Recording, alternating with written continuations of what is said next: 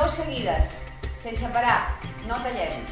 Som a l'interior d'una masia dels afores de Cerdanyola del Vallès, on es roda aquesta història d'amor amagada ambientada en un poble pescador de principis del segle XX. El Cafè de la Marina és la setena TV movie de Sílvia Munt, després de títols com Mentiders, Mueble o Mar de Plàstic. El cine fet per televisió és un mitjà d'un potencial brutal i eh, lluny de desestimar-lo, lluny de maltractar-lo, el que hem de fer és tractar-lo bé, donar-li la importància que té, fer bons guions, treballar, diguem-ne, sense fer cine car o excessivament car, però amb bona escriptura, amb bona part actoral, ben filmat. I atrevint-se a adaptar clàssics en vers, com ho fan els anglesos. Per exemple, Kenneth Branagh, en pel·lícules com Enric V o Molt soroll per no res. Veig les pel·lícules del Kenneth Branagh i em fa una enveja brutal i dius, però que està bé, traiem els complexes de sobre i també ataquem els nostres clàssics, no?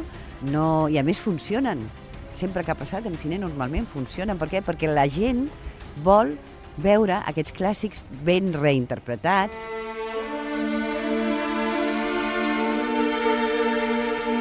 L'adaptació del Cafè de la Marina s'ha fet respectant al màxim l'original, però sent conscients que avui el tipus d'espectador és molt diferent.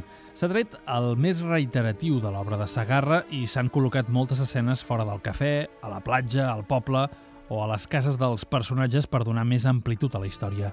Una de les coses que més li agraden a Sílvia Munt és la vigència del text. En essència, el Cafè de la Marina parla de sentiments, i parla de sentiments ocults.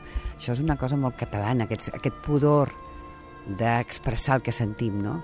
Um, això passa amb la Caterina i el Claudi, els dos personatges protagònics són dos outsiders, són dos rebutjats de la societat, d'aquest petit poble, aquesta petita presó on passa tot. On Pablo Derqui és el pescador tímid i bebedor que estima en silenci, cohibit per la pressió del poble. Se'm feia molt coll amunt, una muntanya, però ara és tota una experiència, és una oportunitat de fer una cosa que no és gaire habitual, és donar-li aquesta volta més i és apropar, i jo inclús diria que és útil en un sentit més públic o social o antropològic o el que vulguis, de cara a, apropar més textos que poden sonar molt arcaics, aquesta és una manera d'apropar-los més al públic, jo crec.